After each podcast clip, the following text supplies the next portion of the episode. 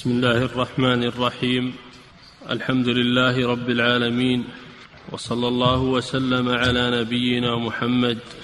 قال المصنف رحمه الله تعالى باب دخول مكة وغيره. بسم الله الرحمن الرحيم. الحمد لله رب العالمين. صلى الله وسلم على نبينا محمد وعلى آله وصحبه.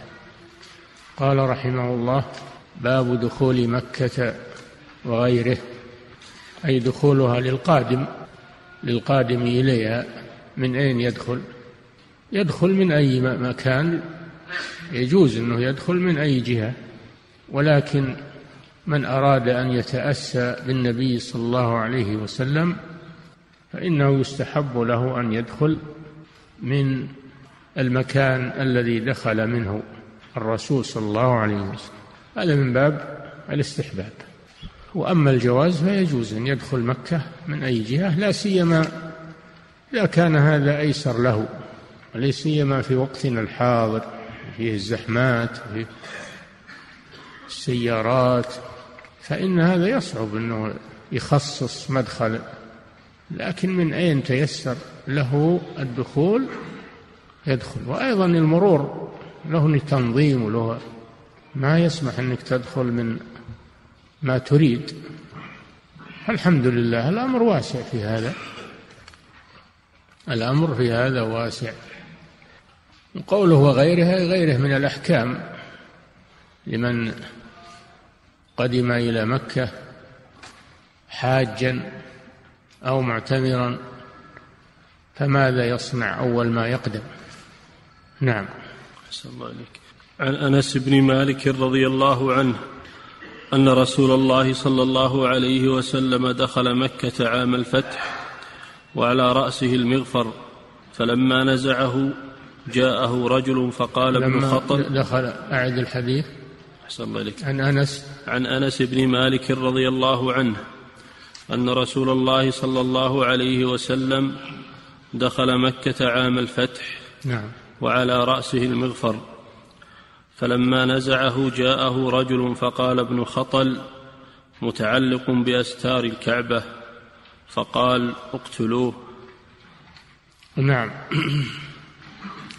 هذا فيه أن النبي صلى الله عليه وسلم دخل مكة عام الفتح عام فتح مكة لما غزا صلى الله عليه وسلم قريشا السنة الثامنة من الهجرة ومعه الجيوش الجرارة من المهاجرين والأنصار ومن تبعهم من المسلمين. كان معه ما يزيد على عشرة آلاف مقاتل مدججون بالسلاح. فانظر كيف أنه صلى الله عليه وسلم قبل ثمان سنوات خرج مختفيا خرج مختفيا واختفى في الغار هو وصاحبه من أذى الكفار ومن حالة الضعف التي كان فيها المسلمون آنذاك. وما هي إلا مدة وجيزة حتى عاد إليها بهذه القوة. الهائلة. وهذا نصر الله جل وعلا. وهذا الفرج يأتي بعد الكرب.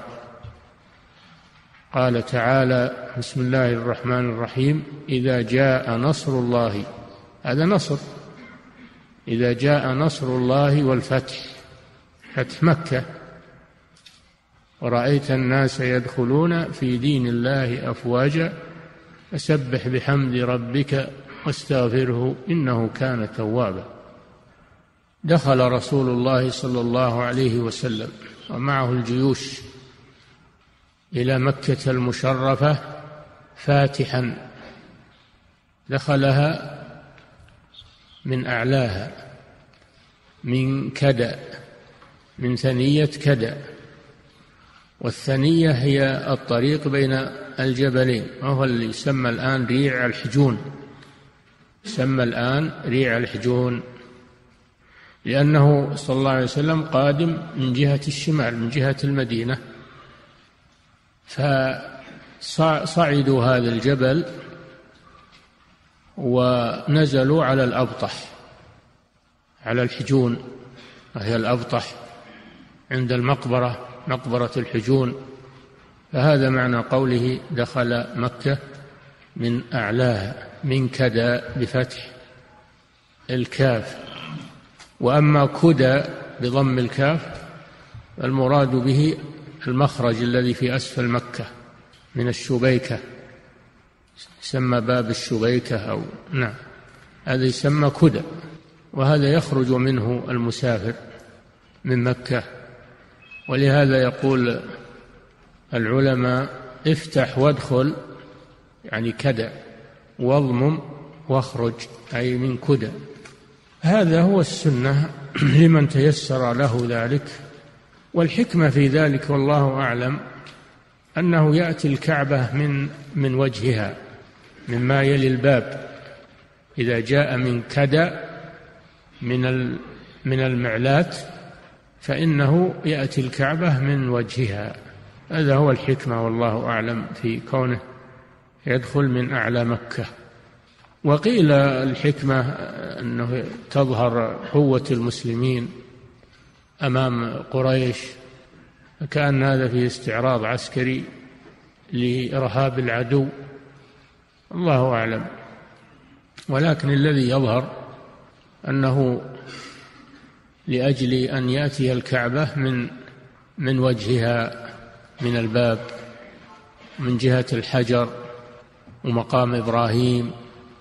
من هذه الجهة. وعلى رأسه المغفر. المغفر هو القناع الذي يكون على الرأس من الحديد. وقاية وقاية للرأس من السلاح.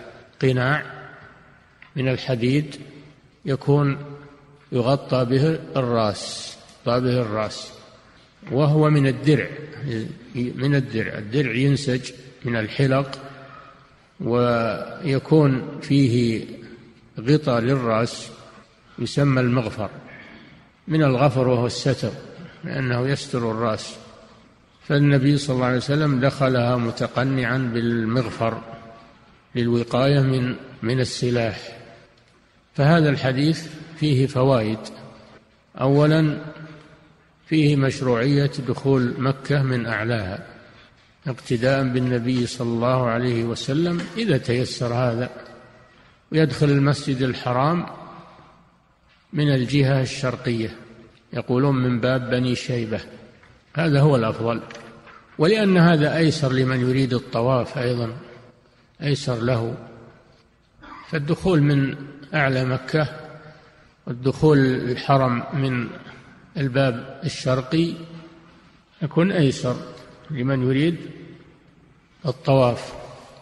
ثانيا في الحديث جواز دخول مكة بدون إحرام لمن لا يريد حجا ولا عمرة لأن النبي صلى الله عليه وسلم دخلها غير محرم.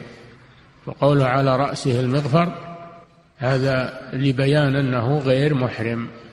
فيجوز للإنسان أنه يدخل مكة بدون إحرام إذا كان لا يريد الحج ولا يريد العمرة. وكذلك الذي يتكرر دخوله مثل الحطاب والبريد الذي يتكرر دخوله إلى مكة هو بلازم كل ما يجي يحرم في مشقة عليه فيدخل بدون إحرام. وفي قوله لما وضع المغفر عن رأسه صلى الله عليه وسلم يعني انتهت المهمة فتح الله عليه مكة واستسلمت قريش للرسول صلى الله عليه وسلم. نزع المغفر لأنه زال الحاجة إليه. نزع المغفر عن رأسه صلى الله عليه وسلم. فهذا فيه دليل على أن المغفر والسلاح وإنما يتخذ وقت الحاجة.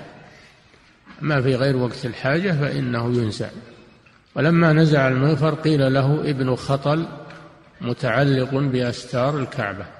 ابن خطل هذا شاعر وكان قد أسلم ثم ارتد وصار يهجو النبي صلى الله عليه وسلم وجعل جاريتين له تغنيان بهجاء الرسول صلى الله عليه وسلم. فتغلظت ردته تغلظت ردته. وهو متعلق بأستار الكعبة بزعمه أن هذا ينجيه من من الطلب. يظن أنه إذا تعلق بأستار الكعبة أن هذا يؤمنه من من الطلب. فقال النبي صلى الله عليه وسلم اقتلوه فقتلوه. فهذا فيه دليل على قتل من تغلظت ردته ولا يستتاب. بل يقتل. وفيه دليل على مشروعية إخبار ولي الأمر بالمفسد الذي يريد أن أن يضر المسلمين ويكيد للمسلمين أن ولي الأمر يخبر به حتى يقضي عليه ويريح المسلمين من شره. وليس هذا من التجسس أو الغيبة أو النميمة وإنما هذا من درء المفاسد ودرء الخطر عن المسلمين. نعم.